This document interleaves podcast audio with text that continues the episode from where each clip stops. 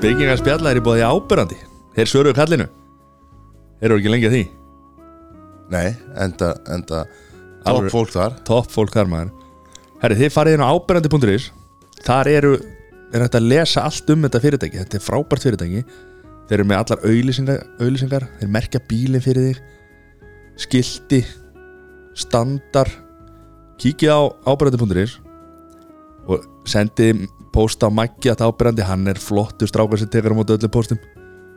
Endilega kynning fyrir þetta Og við hérna förum betri yfir þetta í næstu þáttum Hvað er, er að tökum svona lið fyrir lið og, og látum á, á, hlustendur vita hvað ábyrrandi er gera. Við tökum ábyrrandi fyrir. Spengar spjalla eru jafnframt í búðinu og Sirius. Bæklingurinn, páskaækja bæklingurinn kom inn á öll heimili. Ertu fann að lesa? Já, spjaldar á milli. Já. Uh, Á mjög erfitt með að Hérna Velja mér ekki sko. Er það? Gæti mögulega þurft að að fara í fleiri en eitt Bara til þess að, að hérna Til þess að, að Að sko gera ekki upp á milli. Það er ekki skömm að því. Nei. Ég held ég fara í hérna Pípar kroppið maður. Já, ég gæti enda það líka. Já. Eða Eh. perlur hnapanir Má ég, má ég kaupa Hérna, egg handa Má ég kaupa egg nummer sjö handa dóttumunni sem er rétt rúmlega tvekja ára og, og hérna þó ég sé ekki fara að gefa ekki Mér finnst Má það ég kaupa glab- handinni mér finnst glabraði að kaupa ekki handinni sko. Mögulega pappið að kaupa ekki gegnum að segja Já það, það verður hvort þið er hvort þið skiptir engum máli. Þetta egg er ekkert að fara að breyta því sko. Heyrðu, það er, er, er bomba í Bjó bjá. Já, það er, er hérna það er, það má segja að það sé atvinnumæður Það er atvinnumæður Í Í hvað grein? Fjölmilu Atvinnumæður í fjölmilu í, í, í fjölmiðlum og, og hérna í, dægurmála. Dægurmála. á dægurmálasviðinu. En það er að vita allir, hann er búin að vera svo lengi í fjölmjölum og búin að vera hérna svo opinberi persónan lengi. Ert, ert þú að segja að hann sé búin að vera áberandi eins og eins, hann er búin að vera ábyrrandi í, fjölmjölum mjög gott. Og hérna, hérna við fórum hérna aðeins aðra leið. Í spjallinu. Já. Eh, Hvetjum hérna hvetjum alla til þess að, horfa á þessar frábæru Atvinnumæður okkar. byrjaði með bombu með Haldur og Helgar Halldór, já. og, og bara verður bara betra og betra Já. og náttúrulega líka hjóla í gegnum hérna, seri 1 og 2 já. Öðum Blöndal, gjör svo vel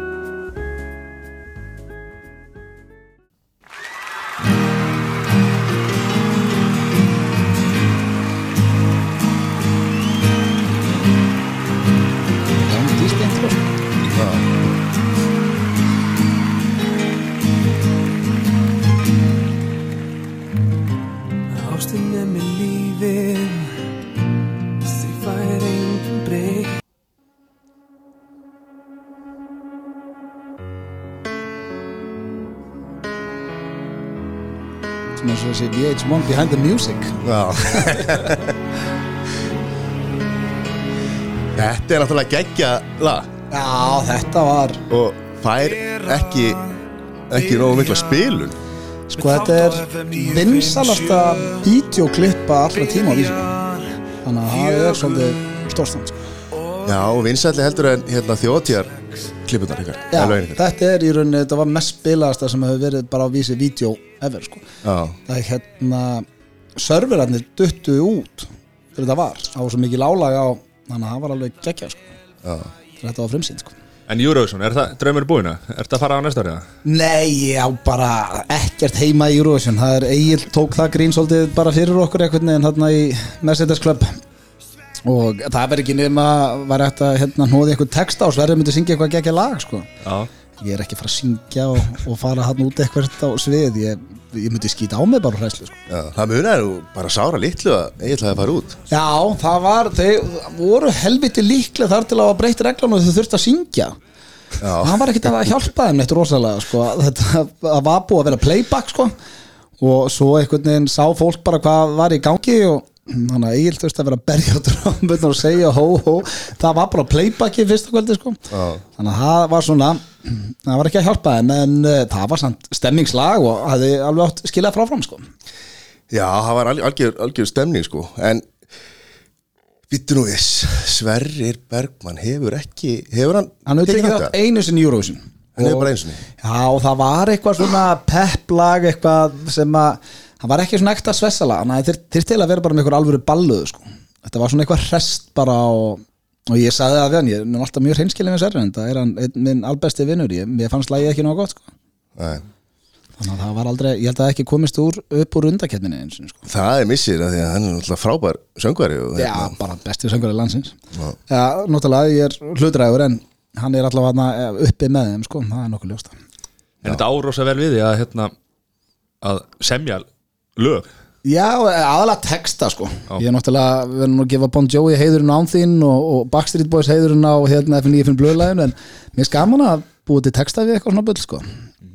Sem að var, ég er, ég er að gera svolítið svipa og var, að reyndar við nú ekki gert lag lengi en jú að reynda þjóðatjölög þetta er svona svipa og þetta var alltaf í gamla þetta þá voru tónlistamenn bara að taka lög að utan og búið til nýjan texta sko Öll, öll jólalögin á. Íslandi eru, eru, eru, og bara þú veist, eitt tonn af sandi og eitthvað, return to sender og fullt af svona að- og ég held, ég held líka bara öll gömlu lögin sem að bara, ok, henni Gunn og, og, og líka bara fullt af hérna e, þessum gömlu lögum sem að voru segir text Bjögga, bómir ég, hérna, þó líði ára og öld ég var pínu sektuður fyrir þetta að það var ekki íslenskt. Þetta er allt einhver ítölsk þjóðlög eitthvað. Já, eitthvað svona, en ekki það, það náttúrulega svo þarf að syngja þetta og Bjöggi gerir það vel.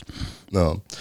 en hvernig hérna, eins, og, og alþjóð veit og þá ertu alveg upp á, á söðakrúki hvernig hérna uh, hvernig þú, sko, þú varst erfiðu krakki þú viðkjönt það. Já, hann leiðilegu sko. Já, Svona ofvirkur, þú veist, ég veit bara ég hefði ekki þólað mig sjálfur í dag ef það væri svona 11 ára krakki kringum mig sko. Já, og ég finn bara að það er að góða við að eldast og þróskast að maður svona finnur bara og getur alveg að opna sig með það bara að maður er hund leðlug sko. já Varstu, heldur sko, heldur að það verið ekki samt að vera með einhver svona greiningu eða væri kannski þá ennþá með það ofvirku Jú, kannski já, ég var pottitt ofvirkur sko. það, ég held að það fyrir ekkert að milli mála en svo róast ég svona með ég byrja að róast mjög mikið á úlingsárunum sko, sem er gott en veist, eins og bara sem krakki þegar ég er 5-6 ára þá átti ég bara að vera á livjum alveg pottitt sko, en það var bara ekkert byrjað að greina þetta þá held ég, en það er hver einasti kennari bara í fellaskóla sem ég byrja og, og svo reynda að fyrir til bandaringan, ég held að það hjálpaði mér svolítið.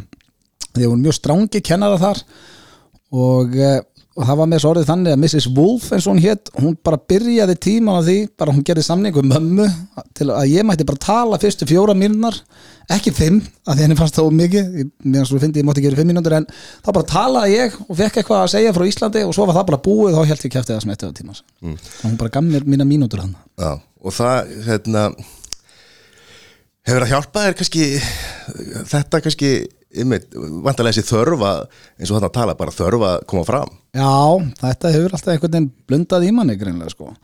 Og það er líka held að hjálpað bara eins og þegar ég er tvítur að, að hérna, eins og maður kemst inn í 70 mínútur annað þá minka líka aðteglisíkin þannig ég held að þetta bara var í rauninni það besta sem komið fyrir með að komast loksins í að bara koma þessari þörf frá mér basically sko. Í dag er þetta ekki í líkingu við þegar eins og ég byrja í 70 mínútum sko. Núna finnst mér bara, mér er svo gaman að vinna í fjölmjölum að þetta er, ekki, þetta er null í dag aðteglisíki núna bara er metnaðurum bara að búa til gott sjómarp og gott útvarp og og nú er þetta náttúrulega bara að vinna einn Já. En ef, við- ef við tölum að þessum hérna, tippi. Tippatal, það er ekkert verið það er einhvern veginn er er, endur koma á, á, á tippatali ja? ég hefði alveg til ég var ánægð með það, Siggi Sigurjóns hérna, legend, hann leikstýrði því og Hallgeri með Helga íslenska þetta og þetta var úkslega fyndið og skemmtilegt sko. Að það var einhvern veginn, jú, þetta var nú alveg 12 eða 14 sýningar en ég hefði alveg viljað prófa að gera meira af þessu sko. það er að segja að vera með svona one man show hvort sem að ég man nú ekki alveg nei, þetta var nú aldrei það gróft þannig ég held að mætti svo sem alveg dusta ríkja þessu, það væri fyndið að vera með eina sýningu þegar þú segir þetta, ég hef bara ekki búin að hugsa þetta tippatal í mörg ár sko. En var þetta ekki eitthvað á móti hann að pípusögum eða því hann að hvað? Nei, þetta var aldrei neitt á móti því sko. þetta var bara hérna bara leikrið sem gekk mjög vel bæði í bandrækjunum og ástali og hétt Cocktails sem er svona, þú veist, þá er uh, kallast það, þú veist, að því að cocktail er líka náttúrulega bara drikkur Já. og, Þetta var búið að ganga það vel út að hafa keft Þetta var aldrei neitt eitthvað móti píkusöðum eða neitt þannig sko. Þetta er basically bara svona sýning sem gekk út á Historiu tippir Kannski hljómar ekkert geggja en Þetta var alveg satt fyndið og skemmtilegt og fór út um, út um all land Já, og, við fórum on the road og þá var einmitt Dóra að taka fúsa með mér og það var ríkilega gaman sko. Gekk mjög vel sko. Gekk betur út á landi heldur en í bænum sko. Það er bara verið eitthvað 8-12 sýningar í bænum en svo voru uppselt allstæða þegar við fórum út á land sko. Það var mjög gaman mm. En he, þú eh, hefur ekkert verið í í svona ein eða svona uppistandi mikið, ekki einn Ég man nú eftir að þú tókst þátt í hérna, Findarmar Íslands. Já, Það var virkilega gott hérna. Það hakkaði fyrir fannst það mjög gaman, hann vann hann hérna hann Lárus hann var náttúrulega geggjaður. Og þá var Gunni samloka líka sko. Já, Þannig að það var mjög skemmtilegt. Og jú, ég fenn nú alveg með að standa upp. Bara við, ge- ég gerir meira í dag að vera visslustjóri en ég get alveg farið og tekið að semja eitthvað? Já, eins og núna þá var mjög gaman að ég, sem stand-upið mitt bara síðustu ár hefur gengið út að ég eigi ekki kærustu og sé á lausu og eigi ekki börn og, sé að vera færtur en í dag þá er maður komin að fastan þá breytir stand-upið. Það er mjög það að gerist eitthvað þannig í lífinu þá er miklu léttara fyrir það að semja að búa til nýtt efni og það er bara það sem að er að breytast og gerast og Þegar koma breytingar í lífið það er svona þægilegast sem að kemur eiginlega bara fyrir ég, að sérstaklega hvað var að standa upp þegar bara svona koma breytingar í lífinu og því ég er náttúrulega búin að lausa í sjö ár og búin að ræða svolítið um það í stand-upinu sko. Já.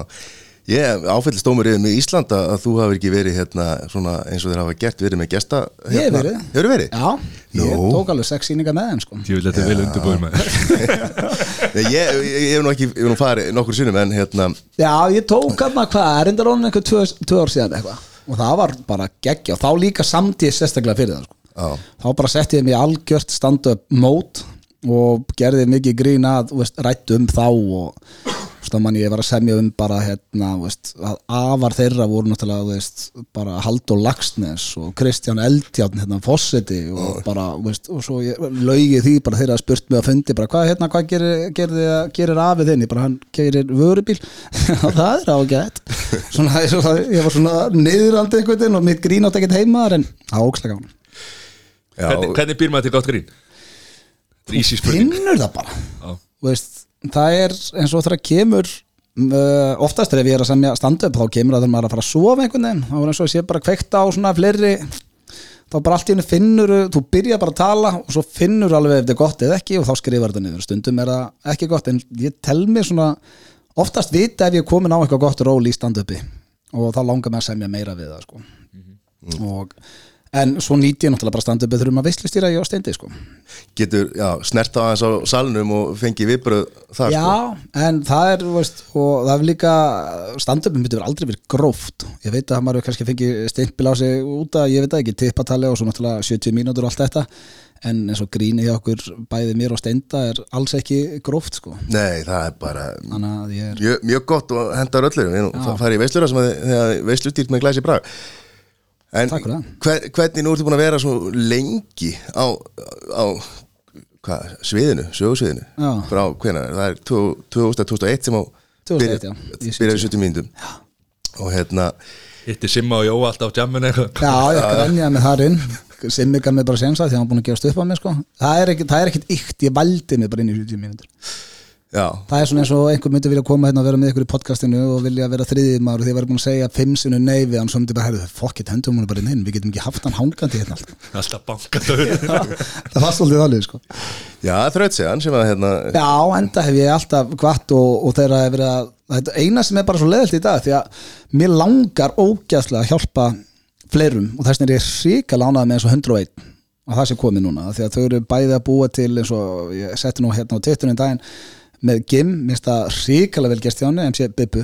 Mér finnst hún bara með þeim efnilegri að ég fann það bara þegar ég var í viðtali hjá henni mér fannst hún ríkala öflug, ung og bara geggjuð og svo náttúrulega bara eins og útarpiðaðum og annað þess að mér fundist þetta vanta rosalega á Íslandi af því að það hefur ekki verið neitt svona sem pott TV mér er svo gaman að þessi loksins að því að mér langar svo að hjálpa öðrum eins og bara basically sem og Jói hjálpaði mér að komast inn í þetta því að það segir sér er fullt af hæfileikar ykkur fólki að úti sem langar að vinna í fjölmjölum en það er bara svona plattform fyrir það sko. En hvernig var, var þessi, þessi tími hérna býtunum við, var það ekki í, í einhverju viðtali? Þá hérna hvort að, ég man ekki hvort einhver sagur eða, hvort ég í einhverju viðtali þetta hérna það hafi kannski verið svolítið rígur við, við, við hérna, kannski íþróttadeildina og kannski sérstaklega hötta mag Já, það var sko eða býtu, kannski kannski þú hafði satt að sögu í, hérna, hjá honum Dotta í Grínlandi eða einhvers staðar heyrið það? Já, þetta var sko Við vorum með sama stúdíu, 70 mínútur Við fengum bara að taka upp í hátteginu Þetta var íþróttastúdíu og svo bara þegar 70, þó að 70 mínútur verði bara stærsta tekjulind þegar 70 mínútur er bara sitt besta þá er það að selja meira auglýsingar heldur en allar útastöðunar til samans, bara FM, X-ið og þannig að þetta var 70 mínútur var hún rosa tekjulind, samt voru við alltaf bara í hátteginu, fengum að klára þá meðan að þeir voru í mat og annað. Og það, við vorum ekki vinsalir og sérstaklega uppálsaga minn er að þá var Ísland Tjekkland þeir voru að fara að spila hérna Risa landsleik og Hötti Magva kom með einhverja seffræðingar sem voru á leiðin í stúdíu til þess og, og þetta er sama hérna, sama hátegi og við erum með súrströmming í sem sagt ógeðstryknum og við opnum dósina við náum ekki að setja súrströmmingi í blendirinn því við ælum allir bara lyktin. Og þannig að ég og Pétur báði búin að æla þar inni hræðilega lykt af súrströmminginu og sem sagt þetta klassiska er að hötti mag lappar inn í stúdíu og bara hvað er þessi fíbl búin að gera núna? Þau gátt ekki verið að inni og hann var hætti með ásker elminnum og eitthvað hann bara þurfti að halda fyrir nefið og eitthvað, það var alveg sræðilegt Já. en við erum ekki vinsælir. Þetta súrströmming er eitthvað bara mesta ógeð sem að Já, þetta er viðbjörn, ég hef ekki enn þann dag í dag smakkað sko. ég hef bara fundið lyktina því. Að það bara bublaði allt og þetta var ógeðslegt. Hver er að smakka þetta? Þetta er mjög vinsælt í sko, Svíþjóð, ég held að þetta sé svona einhver þorramátur hjá þeim, einhvern veginn bara Já, ég held þetta, já, sé Svo er svo þorramátur fyndi að við erum eitthvað "Ö, Hver er að borða þetta? Svo erum við að borða rús, súsa rútspunga Já, hérna og sviðakjamma og- Svi- ja, hvað- eitthvað. svona viðbjóð sko, þannig að við getum svo sem ekki hlegi Já, svo voru þið voru náttúrulega duglegir að trubla hérna, voru ekki ofta að trubla íþróttarsættamennana Jú, svo, sko, svo það annað mér finnst Hötti Mag hrikalega fyndin, mér finnst hann ógeðslega góðu leikari og mér finnst hann bara svo fyndin og skemmtileg típa bæði að tala við hann og bara verið í kringum hann og enda hefur hann hérna, hann er með stórt hlutverk í, í leinilögunni við erum búin að skrifa það handrið ég, Egil og Hannes og vonandi verður hún einhvern tímann gerð. Og þar er hann bara með alveg stórt hlutverk. Og við skrifum, ég skrifaði þarna þrjá sketsa í síðustu steipustöða sem hann var alltaf lýsa öllu sem hann var að gera í líðan. Því mér finnst hann mjög fyndin leikar og mér finnst hann svona, eins og ég segi, svo skemmtileg típa. Þannig að við ákvæmum að byrja með hot sem hérna, höttabögg og þá var hötti magri að lenda bara í því sem við sveppi vorum alltaf að lenda í hjá okkur öðrum sem hétt þá bara vinnustarhekkur nema hann hafði engan húmor fyrir þessu. Við erum bara það vittlisir í á sveppi að við heldum bara að allir hafa gaman að því að lenda láta plasta bílu sinn og drita á sig. Já, bara. Þeir Svo- vöktan líka. Já, svo fréttu við bara hann var búin að fara og hitta trúnaðmann fyrirtækisins og bara, herðu, ég get ekki staðið í þessu það sé bara, ég er hrættur þegar ég lamp út í bíl og, og svo fréttu við þetta, þá erum við bara kallar að fundi á trúnaðmann í fyrirtækisins. Og við bara, wow, shit, ok, þá bara auðvitað hættu þessu, við viljum ekki að mannum líði illa að þá fórum við til höttu og bara fyrirgeða hann bara, já, þetta var það var bara orðið á mikið sko, ég gæti ekki ég bara, ok, við erum alltaf að hætta bara setja okkur að hætta. En það sýnir líka að það er hérna, engin leiðindi að hötta því að hann er nú leikið og, og gert ímislegt með okkur síðan Það er ekki langt að sækja hefileikana hér sko Nei, og hann er svo vannmættin leikar hann Mér, finnst- ég hef gert líka með honum tvær hérna Pepsi, herrferði fyrir Pepsi jöfnsingarnar Já. og þá fannst mér bara ríkalega gaman leikstunum að því mér finnst það svo fyndin sko. það hafa verið bara hérna rosalega stóra og skemmtilegar Þessar Pepsi það verður alltaf Pepsi- svona slegið í gegn sko. Já. og það er líka bara því hann er mjög komiskur og, og fyndin leikar hann hötti sko. Mm. og hann, mjög, hann þetta, ef ég væri leikstöru hann út í bæ ég dobla hann í eitthvað skemmtilegt hlutverk sko. Hann hefur ekki húma fyrir vinnustæðar Nei, hann er að leika. En vo- kom aldrei til greina að hérna ja, voru ekkit að, að, að fýblast í loga? Hann er nú mikill vinnustæðar ekki er sjálfur. það er svona reyndar við, nei, hann var hann kemur seint inn í fréttina, þá erum við hættir í 70 og erum að klára strákana þegar logi kemur upp á stöð 2 sko. Þannig að þá var þetta svona minni við hefum svo sem geta gert það auðvitað að sveppa en það er góða punktur, logi er mikið Ég hef aldrei nefnt að rekja sko Því að fara þetta fimmfald reynda, svo er það þannig líka sko. það er sumir sem þú bara þorir ekki í að því að þú nennir ekki að fá viðbjöðan tilbaka sko. Já, Pattar er utanlandsfermaður og svo kemur og það er ekki, það er rúm í herbygginu og allt í fyrir ruggli sko bara. Hann var marga góðar ekki, hann gaf mér svo bók eða ekki, já, Hann var reynda að bretta því að það er í skúr hjá sér. En hann er mjög neftur sko. Já. og ég er bara mikill aðdandal og hann er frábæna ekki og 70 mínúti var að maður sko maður var mættur við sjónvastæki þegar 70 mínútur koma á skjáin sko. Já, þetta var náttúrulega, ég held þetta sé uh, alveg pottet, stæsti svona úlingaþáttur bara Íslandsöguna sko. Já, maður fann það líka þegar maður var í 70 mínútum að allir eiginlega á aldrinu svona 10 til 30, eða svona allavega 10 til 20 voru að horfa sko. Já. bara allstaðar sem fóst og bara vissur að því að það var bara að rifja upp kvöldi að undan allstaðar sko. Já. Sem var ógæslega gaman sko. Þetta verður erfitt að toppa það einhvern mann í sjónvarpið því að þetta var allt svo nýtt og skemmtilegt fyrir manni sko. ég held að sé bara ekki hægt að hérna, líka bara með þetta allt YouTube og allt þetta dótar í þetta sko, bara, þetta, en það var líka sterkar við 70 mínúta, það var vöndun á einhverju svona, þá var náttúrulega ekkert YouTube eða, og þetta var bara svona fínt ef það var ekkert annað í sjónvarpinu eða það er ekkert annað að gera, kannski bara setja þessa vitleysu sko. Það er einhverju byrjaði núna að taka hérna Sett falla myndaðil og eitthvað Hverju var það? Áttan, Ára áttan, já, komin- já. og svo sér maður líka að það er uh, alveg risa Instagram síður og annað sem að er líka náttúrulega pottet með Facebook síður sem er með bara svipað efni sko. Það- Íslenskt eða? Nei, Nei, bara já, ellent já, sem já, er já. með falda myndaðalar og vinnustarhekki og afsaki og þannig að það er mér veist virka alveg ellendis en þá sko já, já. og þú gerir náttúrulega tekin sem að var hérna einmitt stó, ein stórfælin myndavél Já, sem er náttúrulega stólið að utan hérna punkt já, var, var einhver sem tók, tók því illa? Já, íslenski Aston Kutcher. Kom ekki svona í einhverju viðtali. Hérna, nei, það tók því engin illa sko. Ekki nema eina sem var leðilegt var að sem að mér fannst mjög óþægilegt að Latti eftir nú búin að hrekja hann sko að því að hann átti að koma að lesa inn á einhverju auglýsingar og átti að fá í staðan þá var búin að lofa hann með einhverju sem sagt, einhverju útækt held ég upp á ágætis upphæð. Ára að tala um kannski að þetta er alveg hvað ætli þetta séu 10, þetta er svona 14 ár síðan að 13 ár síðan og þá hvort það var hálf miljón eða 700 eða eitthvað og hann alltaf, hann búin að ákveða bara, búin að fara að skoða sófa og eitthvað. Þannig að svo hérna verið að Hjöppi var að hérna, leika kartinn hans og var að segja hann hvernig hann ætti að leika þetta og eitthvað þetta var verið að gera hérna, uh, síma ringingar eða talhólfi eitthvað svo leir og ríkala skemmtileg hrekkur svo þarf að ég kem og segja ásteki inn og það er búið að slökka kamerinu og eitthvað. Og þá kemur Laddi bara, hvað hérna en hvernig með útæktina var, er hún onn eða? Ég er bara svona uh, nei, þetta var bara allt lí. Hann bara, já ok, ég er bara að fara að skoða sófa og eitthvað og ég bara, já ok, æ, herru, sorry með hann. En ég er ekki jafn mikið bömmir yfir þessi dag að því að svo svona árið setna þá er hann að fara að gera Laddi 60 og spyr hvort að ég sé til í að leika í sýningunni sem sagt búið til vídeo, skett sem hann kemur hérna fyrir undan og uh, það verða bara fjóra sýningar. Og ég eitthvað já og fóru ég heilan tökut með honum og bjóð til sketsatna með honum sem var í sýningunni og svo voru þetta hundrað og ég veit ekki hvað þannig að þó ég hef fengið þúsund kallar sýningu þá þetta verið eitthvað það styrla er bara, hann var á sjötu þegar hann ennþá verið að sína landi 60 sko. þannig að við höfum líka, við höfum hleyið að því hérna, ég hitt hann einmitt eftir þetta þannig að við vorum jafnir eftir, eftir líina með, sem hann alltaf köpur sér sofa já, En við langar nefnilega, ég reyna að tala sem minnst um hérna tekina því ég er alltaf býðað til þetta verði aftur sko. Veist, Þannig ég, þú veist, þegar fólk verður að rifið upp hana þá er ég alltaf bara, "Ó, nei, já, já, það er, ég hef alveg hugsað sko, það er bara, þetta er ógeðslega erfitt sko. það er, það er svo margt sem þarf að ganga og ég man bara hvað ég voru að stressaður í seríu 2 að því að það er ekkert leðilega en þegar svona rekkur mistekst ef einhver til dæmis ég man, þú vorum að taka upp hérna, Margréti Láru og við vorum búin að rústa eitthvað held í ljósunum á bílnum eða eitthvað, hvort það var búið að skera dekkin eitthvað.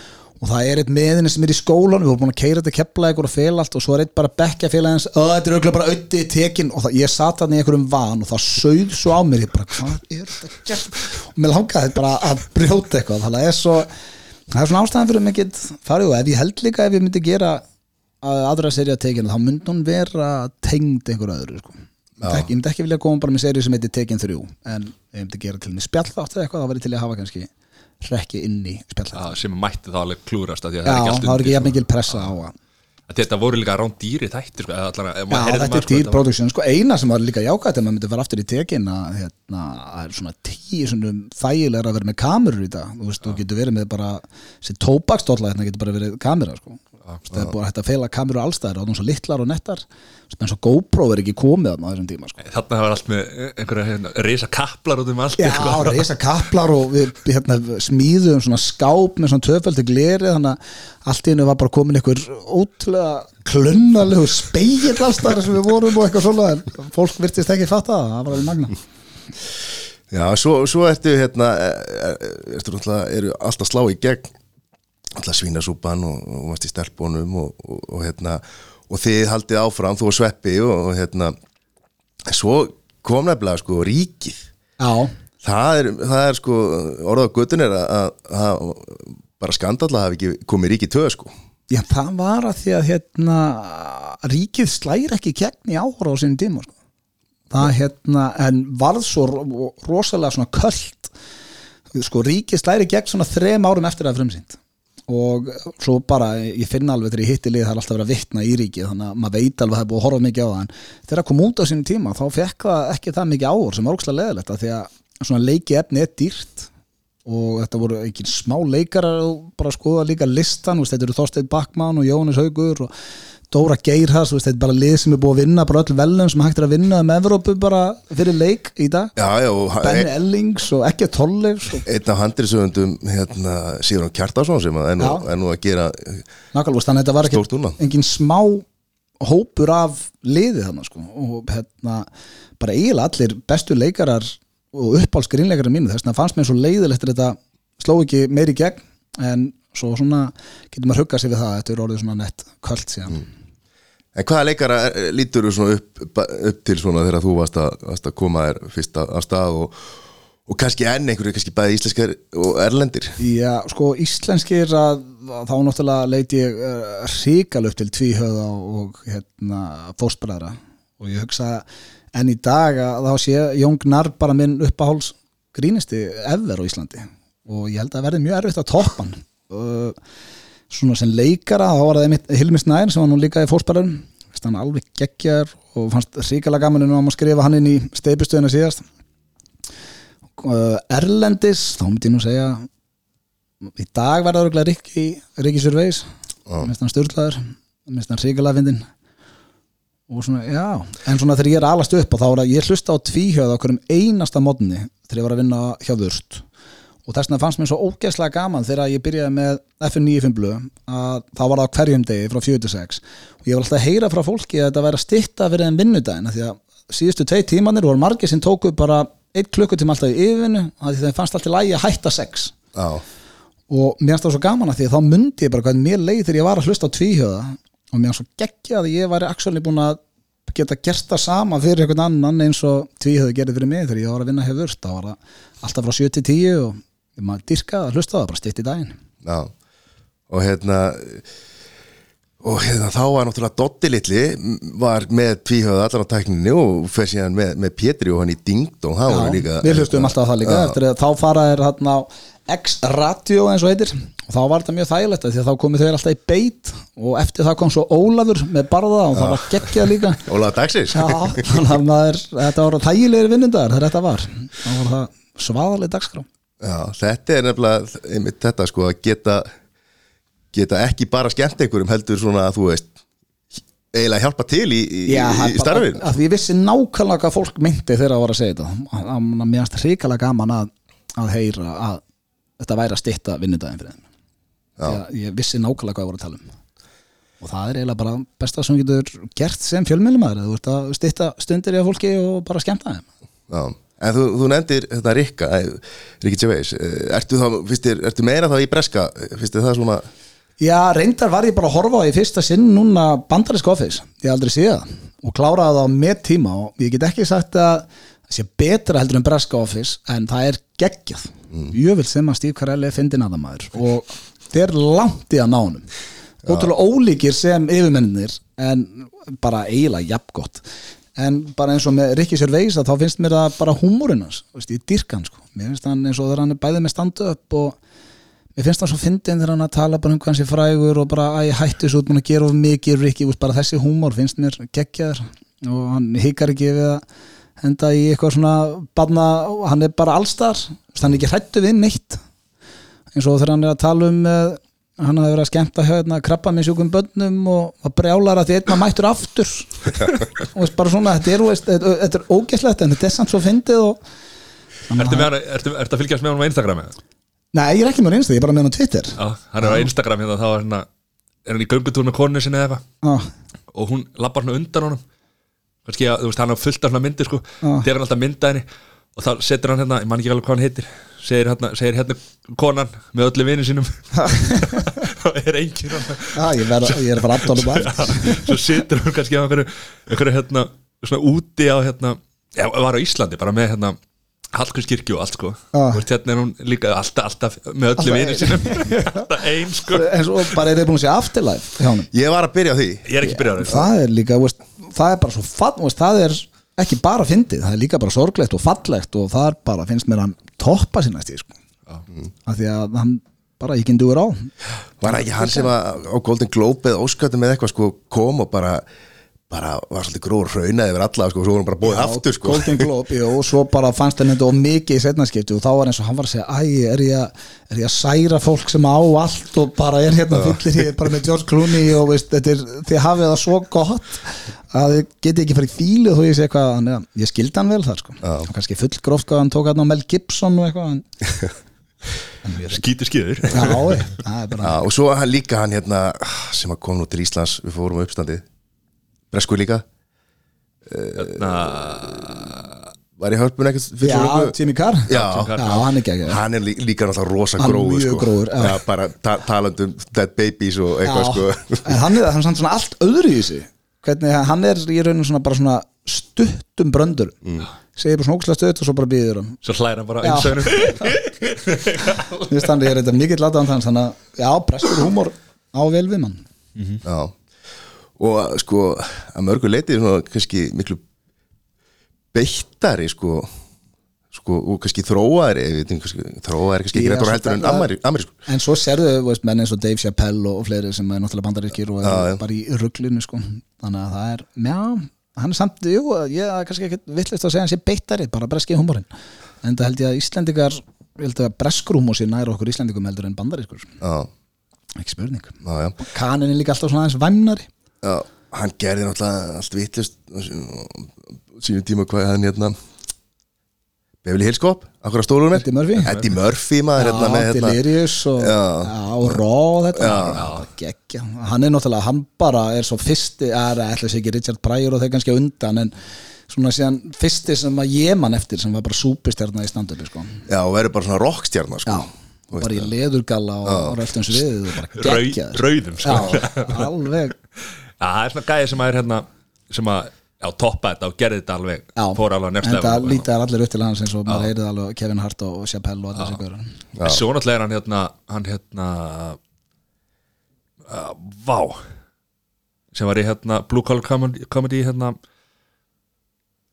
Vá, góður mann ekki hvað hann heitir, hvítur hérna Gerur Dön, hérna Já, Larry the Cable Guy? Já, Cable Guy. Já. hann er náttúrulega, það er talað um ég að hef hann. aldrei sé hann. Nei, hann seldi sko, hann er með langstæstu sjóin sko, að var með. Já, úti. Já. Já, ok, svo náttúrulega, þú veist, Louis C.K. fannst mér líka styrlaði grínast já. þó hann að að kannski hvað hann gerði svo engalífinu var ekki jafn töff en og hann aðeins verið að þreifa sjálfum sem það fyrir fram hann eitthvað hrista í tvo hann en á sviði styrlaður Já.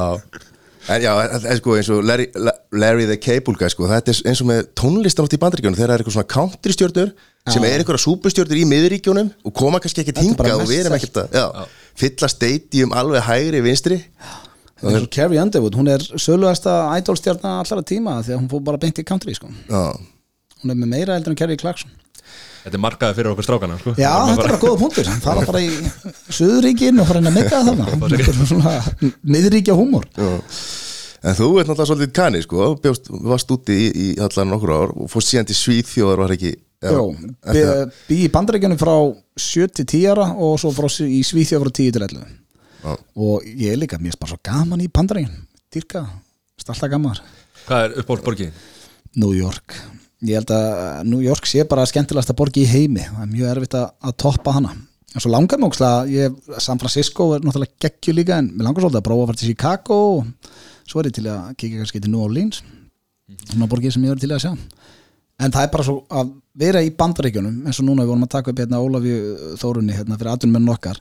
Og byrjuðum í Flórida og fórum svo til Arizona og Arizona er geggjuð. En það er bara eitthvað við það að vera á, on the road og stoppa í 7-Eleven og kaupa sér eitthvað bíft og vera með eitthvað krumpa dollara í, í vasanum, það er bara alltaf gaman. Gott viður og bara ég vera í bandaríkjunum. Já, þetta er, ég er alveg samanlega þessu. Það er einhver, einhver svona það er eitthvað fílingu bara. Já, þú veist það er sko, það er ekki, þú veist, bara ef við tökum annan dæmi sem að Íslendinga fara mikið til að fara til Spánar þú veist, og keiri eitthvað, þú veist, að- og stó, eins og segir stoppa í svona einhverju svona bara einhverju svona vega sjópa eða eitthvað svoleið sko. það er ekki sami fílingur sko. Nei, langt í frá. Og að reynda kona mín, hún bjó í bandaríkjan með ykkur 14 ár og hún þólir ekki bandaríkjan hún kallar alltaf kana mellu hann langar að fara bara til Ítalíu hann langar alltaf til bandaríkjan Skellur. Já, það er pínur skellur.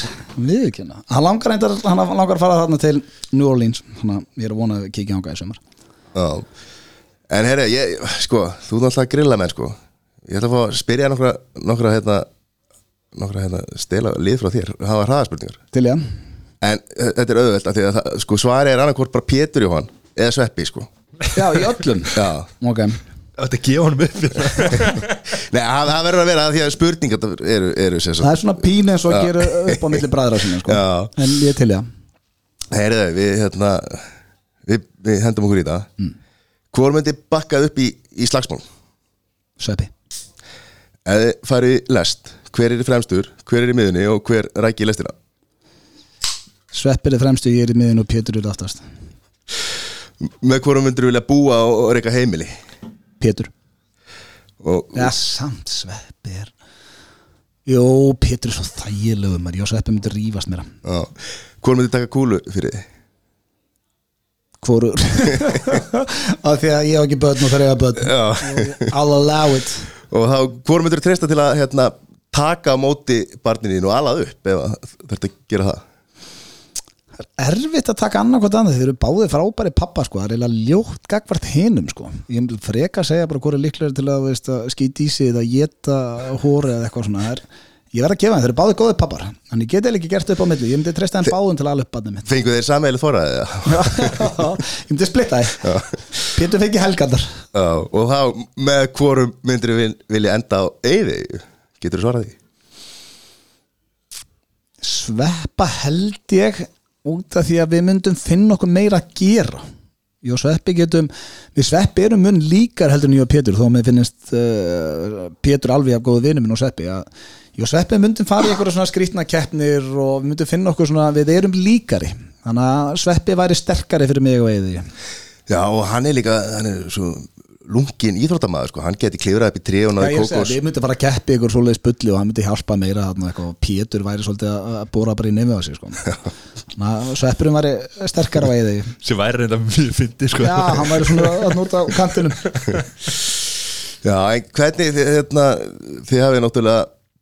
eru alltaf að keppa og geggjum seríum, hérna, draumaseríunar Já, takk fyrir það mann. Það er búið að ganga sikilega vel sko. Og mér finnst held ég suður aðmyndiski bara síðast eins og sterkasta, hinga til sko. Já. og mér finnst það líka sérstaklega skemmtilegt að því að það var svo mikil press á hún eftir asíska. Það var ekki búið að vera draumur lengi. Evróski var þar á undan sem er að mínum að þess á sísti í afisum, ekki það, mér finnst hann skemmtilegur en svo kemur asíski og hann er bara styrlaður og þá var svo mikil pressa til við förum svo bara einu og hálf ári setna beint í aðra. Þannig að ég var svolítið hrættu við það en svo fannst mér eiginlega bara söður ameríski jafnvel sterkari heldur en asíski þannig að það var hrikalega gaman sko. ég get ekki gert upp þarna, þessar tvo. eru allavega þá finnst mér ógæslega gott og þú getur ekki gert upp á milli þeirra. Hann var ekki síður allavega. Ég gæti ekki hort á sportreikana, sko. Það viðbjör á ógæslega, þetta er svo það dæmi. Það, úst, það er stundur sem er hugsa það var tvisar, það var bæði þar en það var mest samt þegar ég fór í tegist og ekki sko en þegar eins og með sportreikana þá var ég að hugsa og veist, hugi framlegandi og, og það er það sem að sérst ekki á kamerunum er, ég er að lappa bara til hann bara hvað, hérna, hvað vill þess að okkur er þetta ekki einhverju svona stúdíu eða eitthvað, þetta ekki að vera eitthvað sem hann bara, ég gæti ekkert og við bara nánast byrja að rífast um bara, já, sérðu, það er bara einhver kona hérna inni sofandi hvar er við?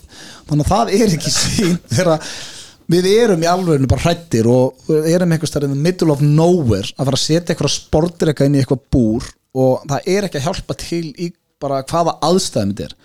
Ef þetta væri eins og hafa búið að segja okkur að þetta veri eitthvað svona fyrfaktor dæmi. Og þegar við erum í bílnum þá er ég byrjar ímynda með bara eitthvað svona stúdíu og næstu við bara Joe Rogan mættur. Og komum við þarna og þá má bara þakka fyrir að, að liði sér etru sem er með þetta og þetta var einhvern veginn þannig að við vorum mjög hrættir það var ógeslegt þegar við voru þú fannst fyrir þeim svona að lappa á skallanum að sko, oh, það var ógeslegt Þannig já, það var svo örglega með því verra sem við E- yngist Ekki ætla ekki ætla hérna bauðin eitthvað á eina heimsólu en, en hérna, var þetta ekkert speikur hérna í Suður-Ameríku? Nei, það er nefnilega svolítið bara fordómanir í okkur Íslendingum sem að við þurfum bara að koma, að koma frá okkur. Þetta var ég var aldrei hættur nema náttúrulega þegar ég var í einhverju viðbjóð eins og sportreikum með eitthvað svona. Og svo voru allir ógeðslega almennlegir, geggja veður ég held að ég held að þættin er svo narkos og eitthvað svona séu aðeins búin að smita hugsunarhátt Íslendinga og það er ekki nóg gott því að það er indislegt sko. Ég Ég er, ég er ekki með fordóma hann Mér langar að fara hann Já, þetta er bara geggja að fara til Brasilíu og fara hérna með Kólumbíu maður svona pínu stressaði með það og eins og ég segi, það voru bara út af þessum eitthulega þáttum sem eru á Netflix og annar staðar en ég er bara, ég dyrka í Kólumbíu Og bandaríkin kannski búin að mála upp einhverja mynd þarna af nágrunum sínum í sögur þú ert Ég, þú ert ekkit óörugari að að lappa um götur bókata í Kólumbíu heldur en til dæmis bara í París Já. Þú veist, það, er, það er alveg sama ógeðsliði sem getur ráðust á þið þar og ræntið að drepið þið sko. þannig að ég er bara ef það er eitthvað einn að hlusta og er ekki búin að ákveða sumafríðið sitt þá bara Suður Ameríka, alla dag Það er enginn að hlusta mér Það er allara Sko hérna, undirbúninga fyrir svona Já. Að senda hann er rosalegu sko. Já. það er hugi og ástrós eiga bara allt hróskili það sko. Eru þau að senda bara posta út eitthvað Já, þetta er engin smá vinna maður og að komast bara í kontent en það að taka upp draum tekur mánu að undirbúa hann tekur svona fjóra mánuði og svo tekur hann tvo-þrjá mánuði í klippi þannig að þetta er rosaleg vinna einn svona seria sko. þetta er ekki bara að hlaupa það um og byggja fólk um að hrækja sig sko. þetta er alveg þetta er svaða batteri sko. En svo verður oft rosa lítið líður hérna Er eitthvað þessi leikið eða þú veist Nei, við bara höfum alltaf passað ég held að það sé nú líka einn ástæða fyrir að við höfum enn svona lengi í þessu og ég hef ofta rætt þetta bara í FNI í fimm blöð eins og þar, það bara segja allt það er ekkit það mikið sem ég skammast mín eitthvað fyrir og ef ég skammast mín fyrir það þá finnst mér bara allt í lagi að fólk viti af því og það er eins og FNI í fimm blöð við látum allt flakka hvað er að gerast nánast í lífi okkar og aldrei að leika maður rættur eða eitthvað svona, þá freka að segja bara ég er ekki eins og rættur af því að það er ekkert verra heldur en að vera að að Það skín í þannig, að allt- já, þannig að að það sem að fólk sér í draumunum það er og maður finnur líka að fólk eins og þegar ég kom heim sérstaklega eftir uh, asíska draumin en svo náttúrulega þá var ég búin að útskýra fyrir bæði fjölskyld og vinnum að þegar ég kom heim og voru búin að vera í mánu ég bara, já, þetta var ókslega gaman, þetta var ógeðslega erfitt. Og þá fekk ég bara, "Ah, var þetta svona erfitt að ferðast með besta vini sínum bara um Asju bara ég geti drepið. Og þá, ég skil alveg punktin,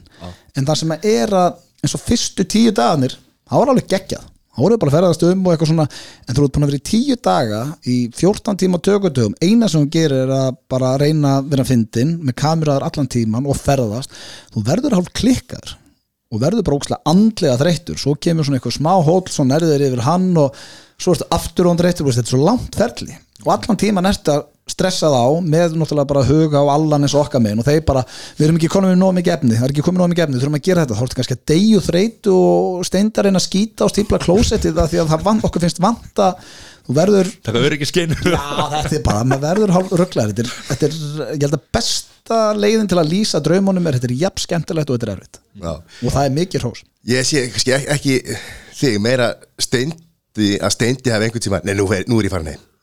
Já, það veist, Steindauður líka alveg komið bara að mér bara, ég er að gefast upp. Og þá bara peppuðu hvern annan. Og ég veit að það hefur líka gerst oft hinum megin sko, hjá Sveppa og Pétri þannig sem að þeir eru bara búnir á því. En þá það maður bara að minnast á bara hvað maður er heppin að fá að vera að gera þetta. Þá tökum við þetta á hvern annan, þá fá okkur kannski 2-3 bjóra og bara herðu, ekkert rugl nú bara hörkum við þetta á okkur um 11 dag eftir og bara búin til styrlaða serju þannig að þú bara peppaði upp í vinnuna sko. Og svo kemur náttúrulega, veist, það er ekkert allir dagarnir svona. Svo fullt af bara æðislegum dögum sem bara ógeðslega gaman og þannig að það eru svona koma dagar inn á millið sem varst bara búin á því. En þú kennst svo bara yfir það. En besta saga sem ég heyrst út raunum er þegar Pétur fór í drikkjukeppnina hérna og, og svo, svo mikil tíma mismunur og var nýbúin að fá vinnu í bláa lóninu og hún voru einhverju fundi og Pétur sem sagt, hann vissi ekki hvað messenger var sko og Sveppi var búin að kenna honum að fá sér messenger, þau voru saman í herbyggi og svo kemur hann heim eitthvað fyllir í hennu og þá er klukkan bara þrjúun daginn eða eitthvað heima og Pétur ég ætla að ringa í konuna. Og Sveppi eitthvað, nei ekki ert svona, búin að drekka eitthvað heila tequilaflösku eitthvað, nei, verði ekki að þessu Pétur. Jó, ég ætla að ringa í hana. Og hvernig var áttur þetta messenger röggli hérna eitthvað og setur á kameru og hún opnar kamerun á símálinn sínum á fundinum. Og það fyrsta sem verist í Pétri sínda með píkuna hún bara, herru Pétur, ég er þetta smá æ, afsækja þetta, lappaði síma frá bara, ert ég föttur og ógæðslega fyndir, alveg farin að drikk Þetta er svo ógislega góð var, góður í þessari drikkikefni sko Já, hún var samt sko setni keppnin, hún, þetta var náttúrulega endur tekið að þetta sló hrikalega gegn í asíska drömnum og það var eitthvað svona bara fyndi við að koma til Mexiko, Kíl og eitthvað en ég held að hann hafi ekki verið neitt rosa langt frá að fá áfengiseitrun og það er bara stór hættulegt sko. Hann, hann man ekki eftir deginum eftir sko. hann var að ferðast til Costa Rica og bara eldi og eldi og svo bara daginn eftir það og myndi hann ekki eftir þingudeginu sínu sko, því hann var enda bara fullur út daginn sko. Ræðilegt Helvits vinnan maður. Já, Þetta er, þetta er erfið vinna. Hvað Þetta er náttúrulega erfið vinna sko. Ég er mjög fegin að vera lausið þetta Það fyrir ekki að drekka heila tequila sko. En hvað er hérna lífið í hérna svona fjölmjölum og svona? Hvað er aðalega hérna social media, hvað er hérna þú veist, Instagram og þú duglegur að setja allt þarna inn og svona? Já, ég passa mig samt að það sé ekki ómikið plögg einhvern veginn af Því að ef við heldur Instagramið inn og þá er þetta svona þægilegasta plattformi fyrir þig til þess að auglýsa hvað þú ert að gera þegar það er að koma eitthvað spennandi eins og núna aturmennir og og bara, maður reynir svona alltaf bara fesku og skemmtilegu sko. En finnst þér, finnst þér bara allt í lagi að veist, að vita allir hvað þú ert að gera eða veist svona, hvernig, hvernig finnst þér þetta sjálfur? Já, ég er svo Já. Þú hefur verið alltaf þannig og ég lísti nú einhvern tímann að að vera þekktur í Íslandi er bara eins og að búa sögur ekki. Og það, fólk veit hver þú ert og sumi bakdalaði og sumi talítlaði og sumi fílaði og, það er bara eins og að búa í smábæi út á landi sko. Ertu búin að læra að tengja þóttæl? Ég ekki tengja hana en ég kann á hana ég þarf ekki að senda þótti minn lengur og, til mömmu en ég hérna það er reynda mjög fyndin saga sem ég held ég hef aldrei sagt frá að þegar ég og fyrrandi hættum saman við vorum saman hann ykkur fjögur eða fimm ár þetta er 2008 held ég eða 2007, lók 2007 að hún var farin og búin að kveðja og eitthvað svona og bara óþæld og erfitt eins og margir kannast við sem hafa hætt, hætt í langtíma sambundum og þegar hún kom heim til sín þá fekk ég sjokk. Og þá fattaði ég bara, herru, hvernig á ég að þvó og ég ringi bara í hann, herru ég veit úr því farin getur komið og búið til eitthvað lista eitthvað, hún búin að faðmast eitthvað bless og eitthvað svo, svo kemur hún aftur skrifaði svona lista bara, já, ok, gallabuxur á þessu og íþrótaföt á 40 og, og hérna, þetta var röngun ég bara, ok, takk. Já, ég nenni ekki hvað þið aftur, nei, þú er með þetta. Það var ekki betra en ekki mömmu sína? Já, þetta er ágætis punktur en ég kannski lágaði mig bara að fá hann aftur að heita eitthvað, ég veit ekki. Já. en þá, og þessi listi, hann var með mér alveg nokkur ár svo náttúrulega lærði maður þetta bara. Eða nokkur ár, hann var með mér eitt ár. Já, Vel gert með Herru, förum í mál málana hérna, allir með nokkar Já Þetta er Serja 1, serja 1 er engin kona? 11, nei, Hvað er það? hvaða kona átt að vera þá? Vá, ég er ekki svona undirbúin sko. Nei, það er, þetta er ekki eins og, og það er með þess að bögga mig þegar að vera að tala um já, já, loksins þrjá ég er núna með sex einstaklingar sem langaði bara ógslag að hitta.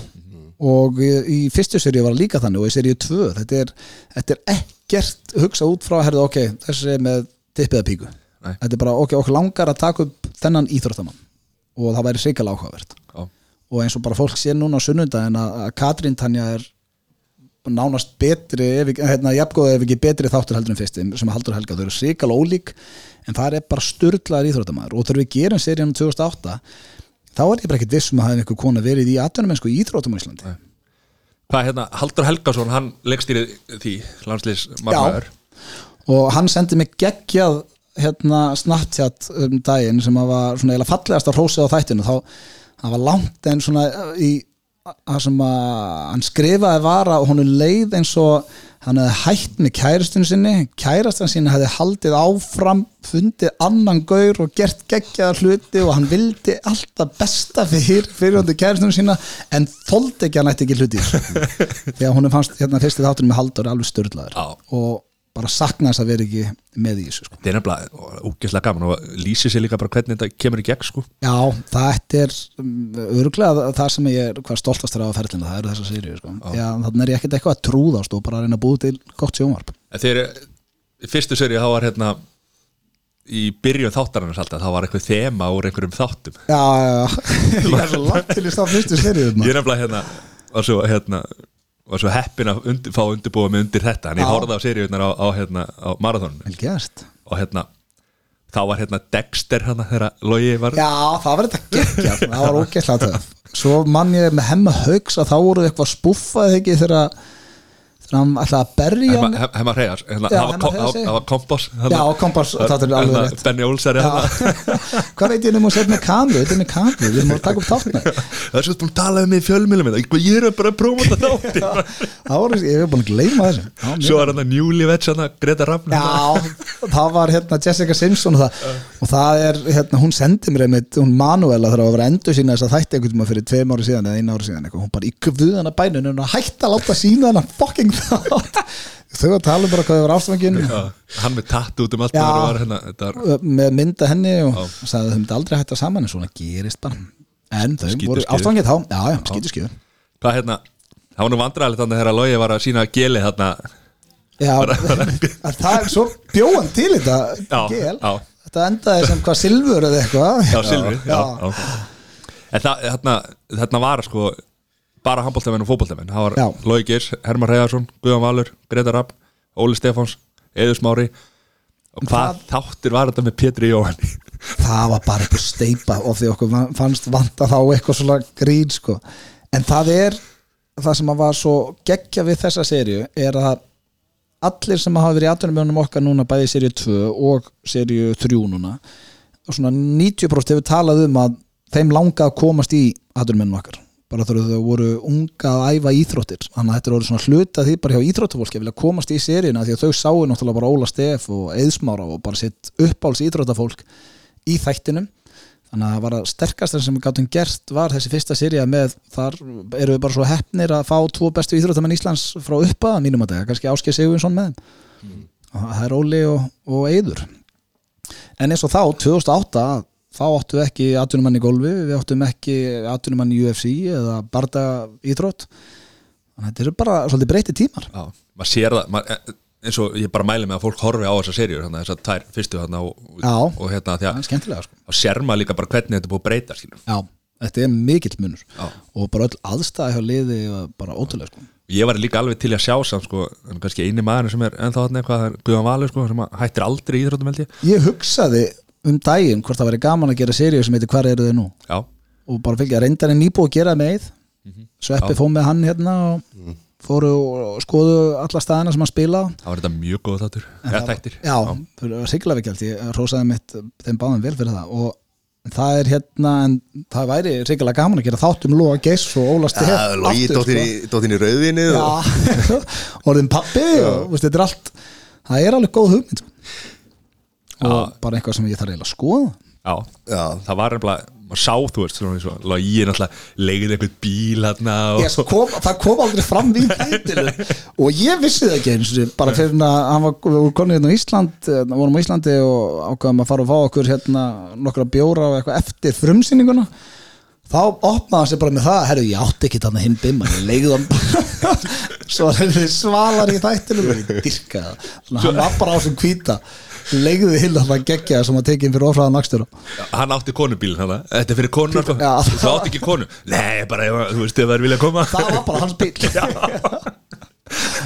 það er líka svo skemmtilegt þú færð svona karakterar. Eins og bara Logi Geis. Þetta er, og Haldur Helgason núna síðasta sunnenda bara menn sem að þeim er alveg saman hvað fólki finnst um sig. Og, og þurfa heldur ekkert af ákjör að því. Þau eru báðir geggjaðir. En það er svo gaman að taka viðtöl og, og búa til þættum fólk sem að segir bara hvað er að hugsa segir eh, bara hreinskili og er ekkert að fela neitt. Og það er aldrei eitthvað að fara að senda til dæmis herðu, uh, æ, hvað það sem ég sagði við þarna en ekki að spila það eitthvað. Þeim er alveg saman Já. og það er besta fólki sem fyrir viðtöl sem er bara kemur er- til dyrann eins og að klæta erfiðu spurningarnar og svona skilur hvað er hérna, finnst þér má, má ég áður að, þú má- máttu hugsa það? Áður að ég ætla að fá, við erum að tala um Loga. Hann ætla, sko geggju sagan að því hvernig Einar Bárðarsson byrjaði að hjóla. Hann var sem sagt, hérna, Haffi hjólari Já. hérna uh, Haffi maður Mari Agnar sem er líka hjólaröður með hérna, hjólaþjálfun og, og bara afreiks íþróttumenn í, í, í hjólröðum þeir alltaf fara að taka þátt í bláa lónströðinni og þeim vantaði liðsfélaga. Mm. og þeir voru eitthvað að hjóla. Og þeim datt í hug að fá hérna bara eina Bárðarsson, þá var hann ekkert byrjað að hjóla sko. Já, þannig að þeir hjóli hafnafjörð og hugsa, herri, við, við, hver þekkir eina Bárðarsson Lói Geirs lítur að þekkja hann. Og þeir hjóli hafnafjörð og ringi ekkert í hann heldur ke- fara bara út á höfn. Þar stendur logi á einhverjum svo steini á höfninni bara eins og hann sé bara losa, losa skipurum yfir sko.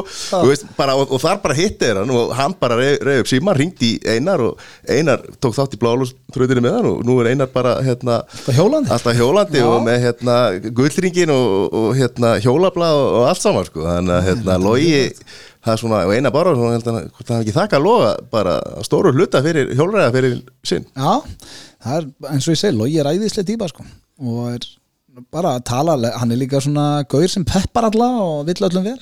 Og ég dyrka svo leiðis mannski en já, þú var að spyrja, erfiðu spurningar? Já, hérna við bara, þú veist, eins og hérna Ég man ekkert hvað ég var að segja maður. Já, bara, þú veist, eins og erfið spurning þú veist, Hvernig undirbúri, vá. Það er í rauninni maður veit uh, ég er náttúrulega undirbýðin bara þannig að reyna að koma stað sem mest um viðmannandan og hægt er og svo náttúrulega allan leikstjóri líka núna og þannig á stundum meiris að gera það þannig að það sem við gerðum með Katrín Tönju er að við, ég gerði ekki undirbúning og því að hérna, Allan vissi svo mikið og var búin að heyra podcast með henni og búin að heyra svona að- að- um erfiðleika í hennar lífi. Þannig að hann vildi frekar bara setja inn spurningu en að við myndum fá alvöru viðbröð hjá mér þegar ég væri að spurja og mér finnst það ekkit erfitt að, að fara út í ó, hérna, erfiðu spurningar, við gerum það alltaf seint í tökunum og það sem er svo geggja við þetta er að þetta er oftast fimm tökudagar, fyrsti tökudagurinn þá er bara fólki að kynast okkur þannig að ég teka eiginlega alla spurningar þar aftur einhvern tíma setna í ferlinu sem ég spurði á fyrsta degi að því að þetta er bara fjórumanna krú ég, Allan, Hugi og Víðir og svo viðmælandin og eftir sólarhing með okkur á miklu flakki og svona þá er bara komin kjarni í bílinn og allstar sem við erum allir erum svo góði vinir að þá verður ekkit erfitt að, að spyrja erfiða spurningar svona í, en við gerum það alltaf síðasta daginn. Þá fyrir við svona reyndar bara þeir hugsa núna, þá hefur við alltaf gert það. Við endum, endum alla tökur á þessum spurningum sem við vitum að eru svona erfitt að svara eða. svo þurfi ekki að hitta viðmælaða daginn eftir. Já, en þú veist, ekki það. Það er bara fallegt að fólk opna sig. Og það er svona gerir þættina mannlegri Það er nefnilega málið, það- finnur það í þessu þáttu hvernig þetta er, þetta er mannlegt og þetta er svona Já, hérna, en það er líka því að sko viðmælandi er búin að kynnast öllu krúinu svo vel þegar það er komið á síðasta tökudag.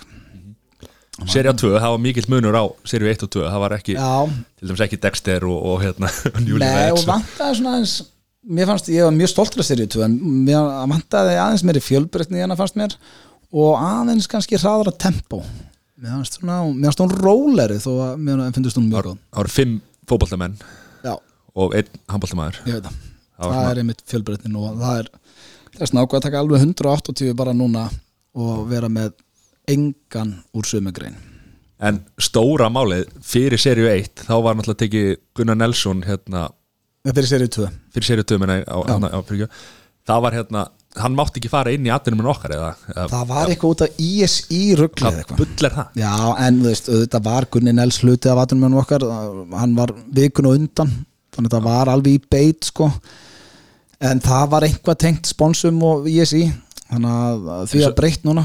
Svo núna, þú veist, hann er ekki inn á marathónu Gunni? eða allan ekki, Já, ok, allan þá- ekki undir atvinnum okkar eða, Nei, það þarf ég að breyta því, að kominu það reynd því að það var já. geggjað þáttur það er nefnilega málið það var eitt Já, best hérna. þáttur í Já. síðustu serju Hvernig var að upplifun Vegas og, og, og bardaga hérna, það var geggjað, sérstaklega þegar hann vann og ég man ég var svo stressað hvort það myndi vinna eða ekki því að við áttum rísa tökudag daginn eftir með honum og hefði hann tapaði eða verið rótar eða lamin þá hefði þátturinn eiginlega ekki orðið neitt því að við vorum búin að hitta hann alveg nokkur sinnum en hann var búin að lofa okkur heilum tökudegi sem er basically 14 tímar eiginlega á sunnudeginum eftir bardaðan hann sást nú valla í mynda því að hann var svo þunnur. Já, það var að, ég sótt hann upp á einhverja svítu þarna sem hann lá allt í rusli, bara shit, þetta var maður.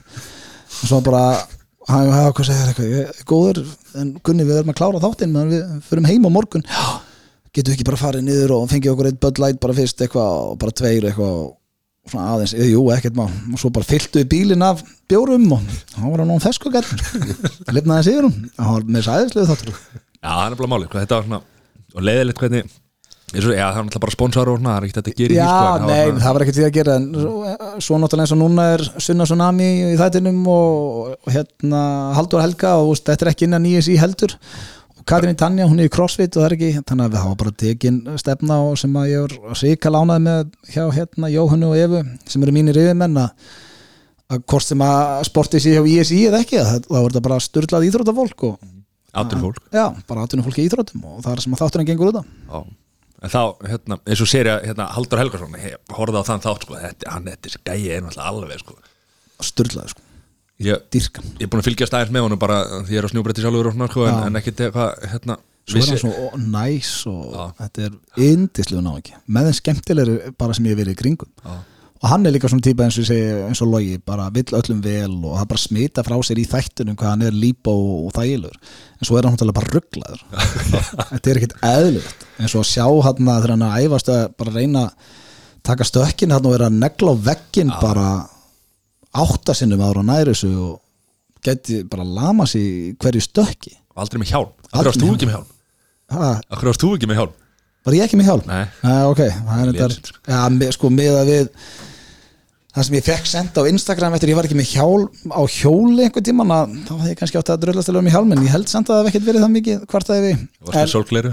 já, en hann er ekki með hjálm og ég skilða ekki, hann við með þess að rótast tíu hún finnst það eitthvað óþægilegt Ég horfði á þátti með hérna, fólki og, og hérna, það var allir til að byrja með þættinu bara, hvað, þetta er, þetta er einhver vitlisingur sko, sem eftir að, aldrei eftir að eiga krónu sko, þegar ferillin er búinn og eitthvað svona sko. já, já, já, svo var nefnilega alveg styrla bara hans set, hérna, lífsmotto veist, að vera bara búa í, heima hjá fólki og, og vera á hérna, sófanum og, bara safna og kaupa íbúðir og, og svo náttúrulega og það sem ég dyrka líka og maður finnur alveg hjá honum að bretti gengur fyrir djamminu. Þó honum finnst gaman að fara á djamminu og svona þá tekur aldrei frá að hann sé brettagaur sko. og þetta er bara algjör snillingur þessu gaur. Já, hversu fullu varstu þannig á í þessu partíð þarna þá var það þannig við vorum að fara að ferðast til Prag og þá búið að segja mér að þetta væri ekki tökudagur það er sem sagt, við erum með travel day og svo tökudag og þetta var travel day. Og ég segi við Haldur á flugvellinum þegar hérna við erum að fara til Prag, ég bara, var svo fyndið maður ég, held að þú er einhver algjör jammar ég hef jammað með öllum sem við tekið upp hérna, þætti með nema Gilva því hann drekkur ekki. Og ég held að maður væri pottit búin að taka eitthvað jammið þegar við áttum bara eftir einn tökudag sem var daginn eftir. Ég held ég myndi pottit enda einhverju fyllir í mig þegar. Hann bara, býtu hvað? Ertu búin að jamma með öllinu hann mér, hvað villi sér og svo fer hann bara og sækir eitthvað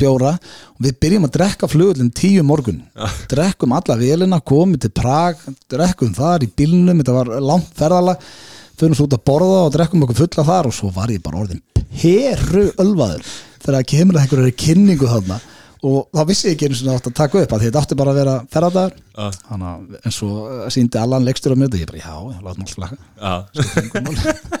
og líka bara geggja hvað hann var bara piss fullur þarna með þessa kynningu Já, þarna og ég var ein- eins og bara kemur fram í þættinum ég feti bróður hans, af því þetta er fyrsta sinn sem ég hitti bróður hans. Eka, Já, það er hérna í þessu partíi og þá var hann bara að lenda í Prag sjálfur. Og ég bara, er sorry með þetta ég held að þessi pínu mér að kenna ég var eitthvað að segja við bróðin í morgun að við hefum ekkert þetta dotti í það og þess vegna ég er blind, það bara, er þetta eitthvað rugglar fólk dyrkar þetta, þau vill hann sér svona. Því þá er hann bara á Snapchat og bara á Instagram með öllum sem aðdáðandum og bara mökkaður. Mm. þannig að var, ég var ekki eiginlega neitt sem betur fyrr bara, bara, heilsuna fyrir sjálfum. Já.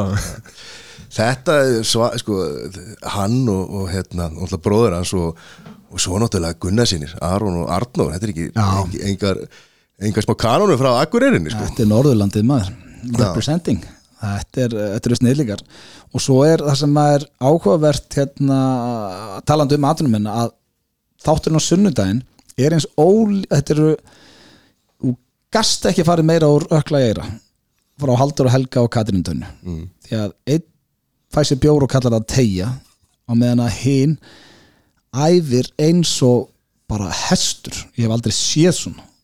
Hún er eitthvað mesta vélmenni sem ég sé þannig að það er ókslega gaman að sína á sunnundaginn bara mun því að ég er búin að horfa á þáttinn og hann er alls ekki síðri en bara svo ólíkur. Og það var svo gaman að sjá bara hér, hér ertu með besta brettakur í heimi og hvernig hann undirbýr svo, hvernig hann lifir og svo ertu hér með bestu crossfit píu heimi og hvernig hún og það er engin smá munur á tveim aðrunum munum hann sko. tókstu djamið með henni það? Nei, hann var ekki jam með henni. En það eru tveir það, Gilvi og hún Já, Gilva og Katrín. En það var samt hérna Það var bara ekki hægt Því hún var að fara að keppa og hann ég skildi það vel. Nú erum ekki að reyna það. En ég sá hann einhverja stiklu og varst að elda hann upp eitthvað fjallana sko.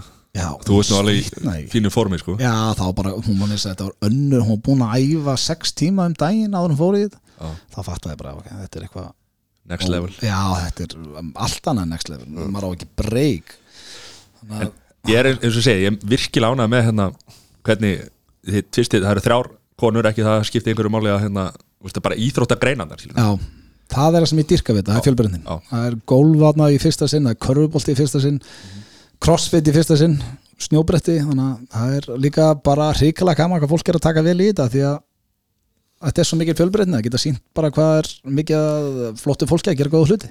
Og líka hvað landslæðið er búið að breytast í þessu og þú segir frá fyrstu serju og núna þegar hérna, við eigum bardaða fólk, við eigum hérna, golvara, köruboltan og ég meina hérna, þessir ungu strákar í, í, í köruboltanum, það verður að gera gott til dæmis í háskólaboltanum og, og, og svona að hérna, þetta er þetta er einhvern veginn sko, hvernig við erum bara búin að vaksa sem þjóð Já. og eiga atvinnumenn í, í mörgum greinum sko. bara hvað við erum, það er alveg ótrúlegt hvað Íslendingar eru, já, bara góðir íþróttamenn við erum hvað, 300 eitthvað þúsund búin að fara núna á EM og HM, við erum búin að lenda í öðru setja olimpíuleikunum í handbólta og fara á stórmót í körfunni Já, og, stórmátt í körfunni voru geggjað þar með þessa og, og svo bara eins og Gunni Nels í UFC og þetta er bara sterkast magnað. maður heims Já, Ólafíða Þórum komin á LBG og, Já. þannig að þetta er, og Katrin Tanni er búin að vinna crossfit-leikana er, Anni mist náttúrulega líka já, fólk, já, hún er svo líka búin að vinna á tvisar það eru einu, tvær sem unnið þetta tvisar, báða frá Íslandi.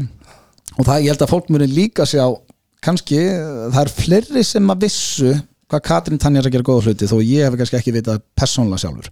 Þannig að það mun alveg koma á fólki óvart líka á sunnundaginn hvað þessi crossfit-leikar eru stórir.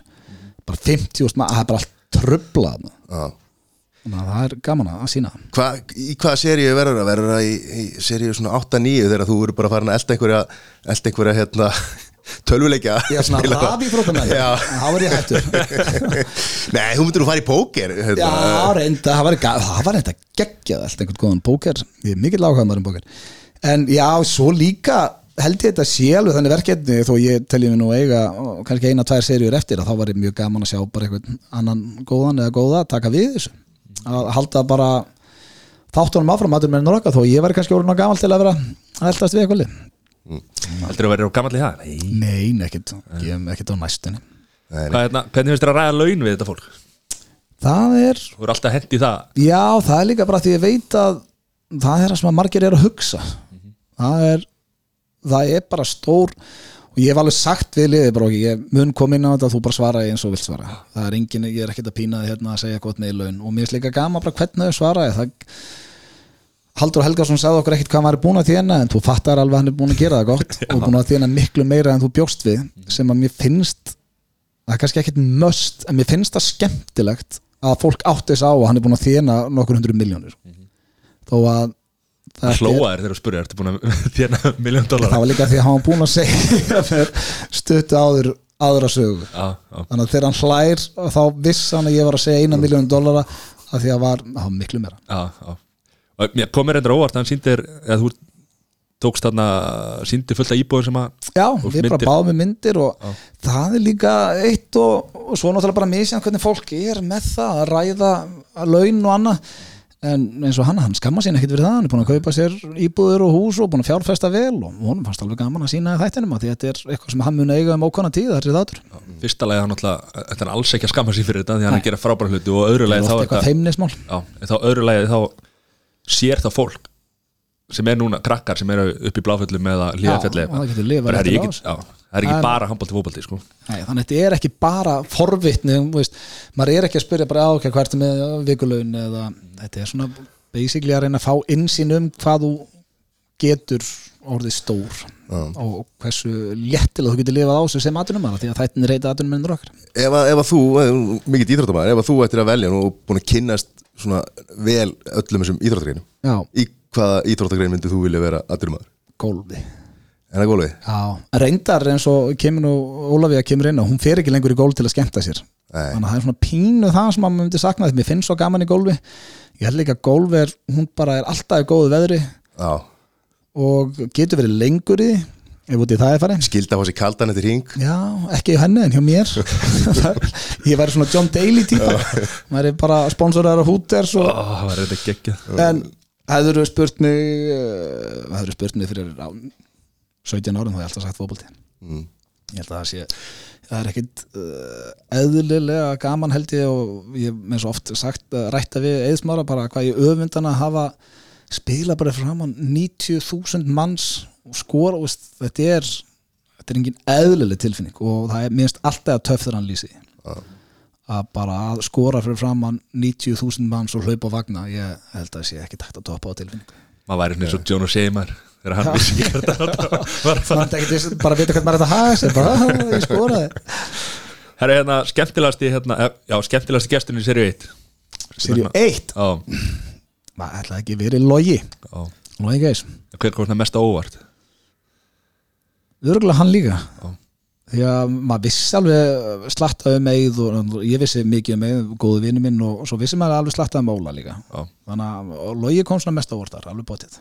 En í serið 2 Skemmtilegastur og hver kom mest á óvart? skemmtilegastur í tvö var ég held að sá sem að mér fannst að sko, ef við tökum bara besta þáttin og hver kom mest á orð þá var það Emil Já, vissi minnst um hann og uh, ég held að það hefur líka verið eitt sem að Íslendingar bara áttu þessu ekki á hvað hann væri búin að gera rosalega hlut á Ítalíu og hann opnaði sig mest af þeim öllum og þá bara eins og ég hef rætt við alla sem að hafa komið inn að þátt því meira sem opnaði því betri verður þátturinn og þannig að eh, emmi bæði komið mest á óvart og var held ég sterkast þátturinn. Hann er líka í, komin í rauðinni eins og, og logi. Þeir eru allir í þessu, ég held að hann sé nú aðeins stærri í því en Logi, Logi er með einhverja Facebook síðu en hinn er að brugga á flytja. Þannig að, en þá líka ég þekkti Emil ekki neitt og því líkur indæli strengur eða nági alveg geggjar Eru haffyringa báðir eða ekki? Jú, Jú. það er rétt, heru, ég er að sjá þetta hafningana Já. En í serið 3 Ertu búin að taka upp allt eða? Ég ætti að taka upp Sunnu Tsunami Já, við hefðum átt að vera búnir en það var fresta bardaganum hennar. Já. Ferðu með henni út þannig Já. Það er eftir mánuð? Já, uh, við verðum ekki á barðanum við, við fáum efnið úr honum uh, en verðum með henni þegar hún undirbúa sig og það allt. Ég hugsa að í serju svo sem hefur komið mest á óvart að við verið Katrín Tanja og skemmtilegust Ólafía Já. Ólafía Þórun er ekkert eðlilega fyndin sko það er geggju típa Já. við bara hlóum allan tíma með henni og ríkalega gaman að vera í kringum hann því að hún er bara netta trolla sko. ég var svo hrættur um þetta væri bara einhver algjör gúf Já, því að maður sér það bara bara í hún væri í friðinu eða eitthvað. En svo er, hún er bara troll hjá henni bara einbetting náttúrulega líka í já, og svo er hún bara, hún er ríkal og það er, ég held að það muni koma fólki mér finnst líka að þetta er erfiðast finnst mér að segja um seríu 3 því að náttúrulega Haldur Helgason eins og fólk sá bara störlaður, Já. ógeðslega skemmtilegur og það er erfitt að gera upp á milli. Korona klukka nýju maður og já, bara í bílnum að tegja og að Tegja, þetta var svo gott sko. Ég hugsa mér að finnst hún svona, hún er alltaf að finnust Óla Veðhúrin og það kom mér líka úr gána fyndin. Svo náttúrulega Rúrik maður Já, náttúrulega þekki hann vel þannig að það er, náttúrulega var eiginlega ekkert að koma óvart að og það er frábæð þáttur. Og Martin Hermans indislegur þannig að þetta er eins og ég kom inn á í fjölmum ég held að þetta sé besta serían. Það er brekka lappa hliðin á Rúrik maður. Já, ekki? Guð mig góður, bara óþólandi.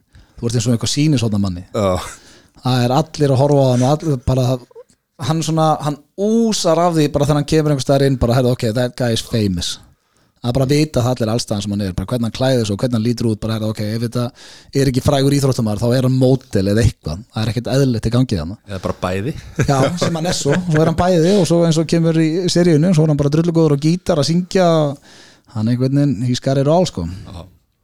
Þannig að Ég sakna hérna loða lundana Logi og Lundanir og rosaleg Svaða bónd Ég þarf að horfa aftur á loga Ég er að segja sko, Já, þetta, ég, sé þetta svo mikið.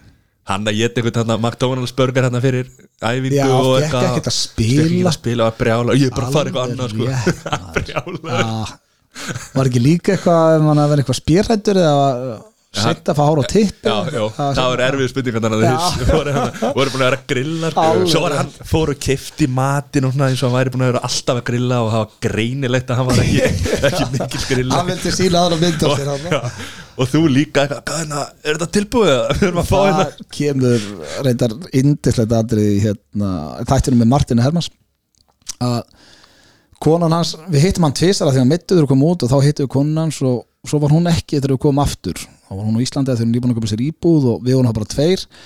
Og við ákvæmum að reyna bara og því að ég spurði hann hvort hann kynni eitthvað eldhúsinu og hann sagði þetta ekkert kunna. Og við ákvæmum að reyna að gera lasagna og ég hef aldrei séð huga pródusent og allan töku og hérna leikstjóra hlæja af mikið.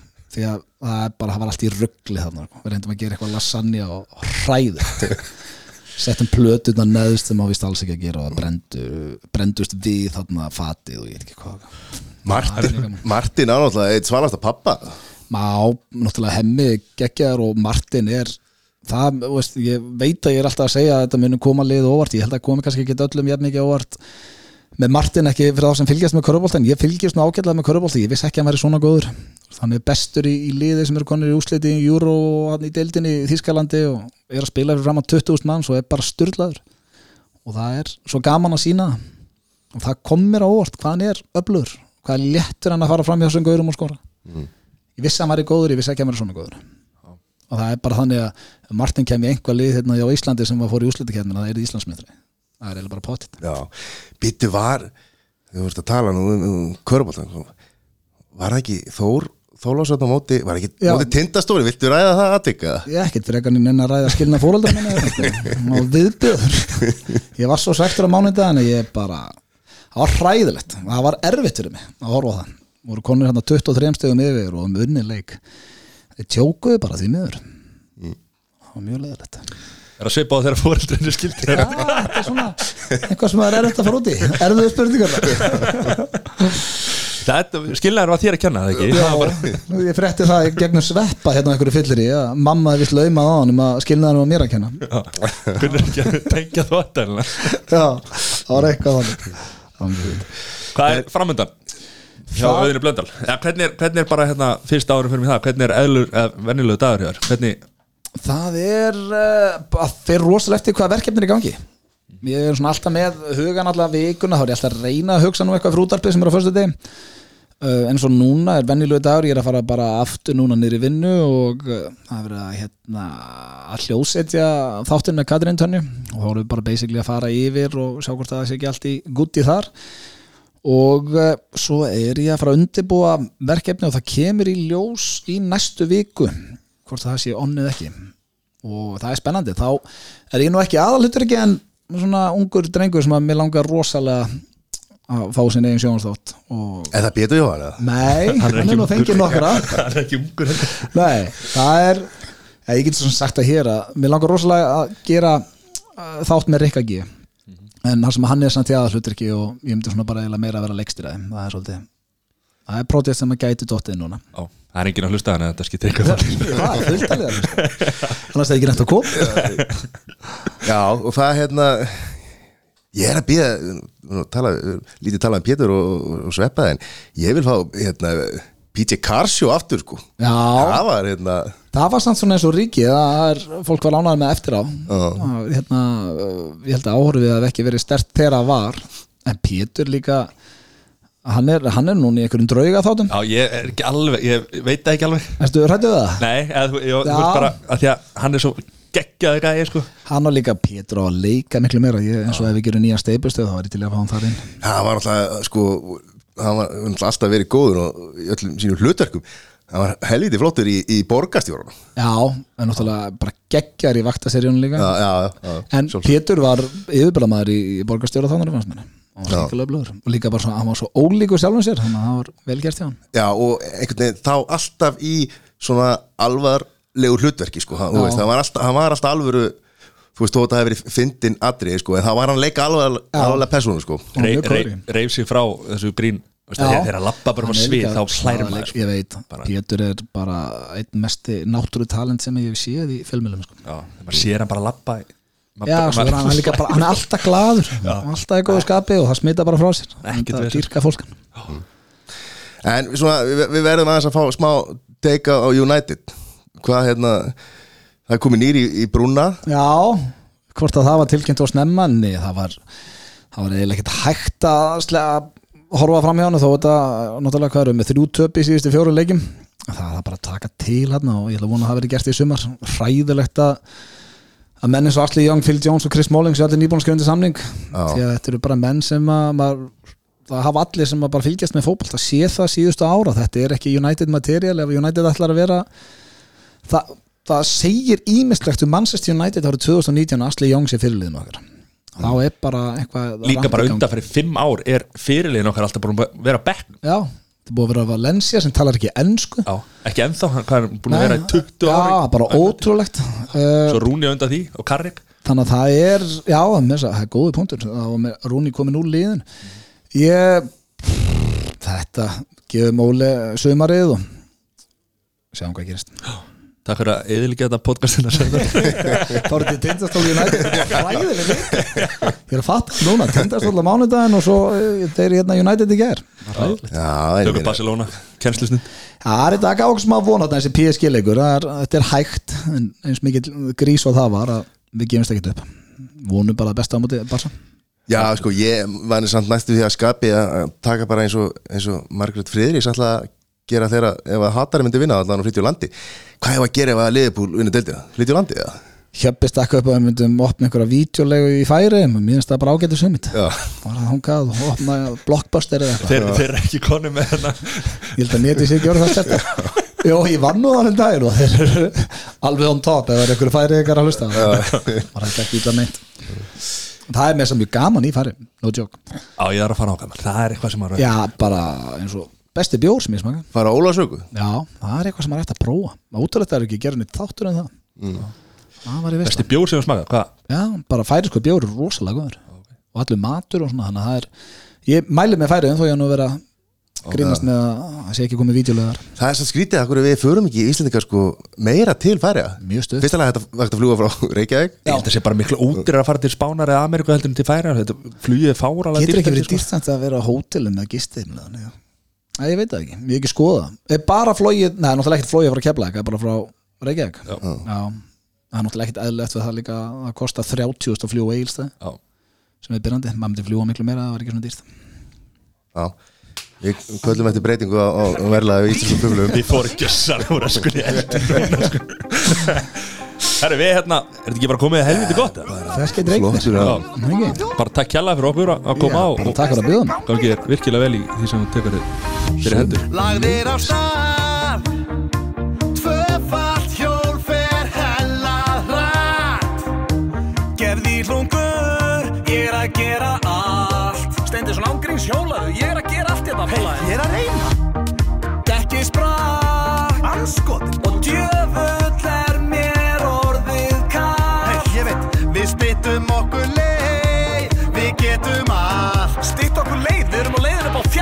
Látt ekki svona, þetta verður ekkert mál.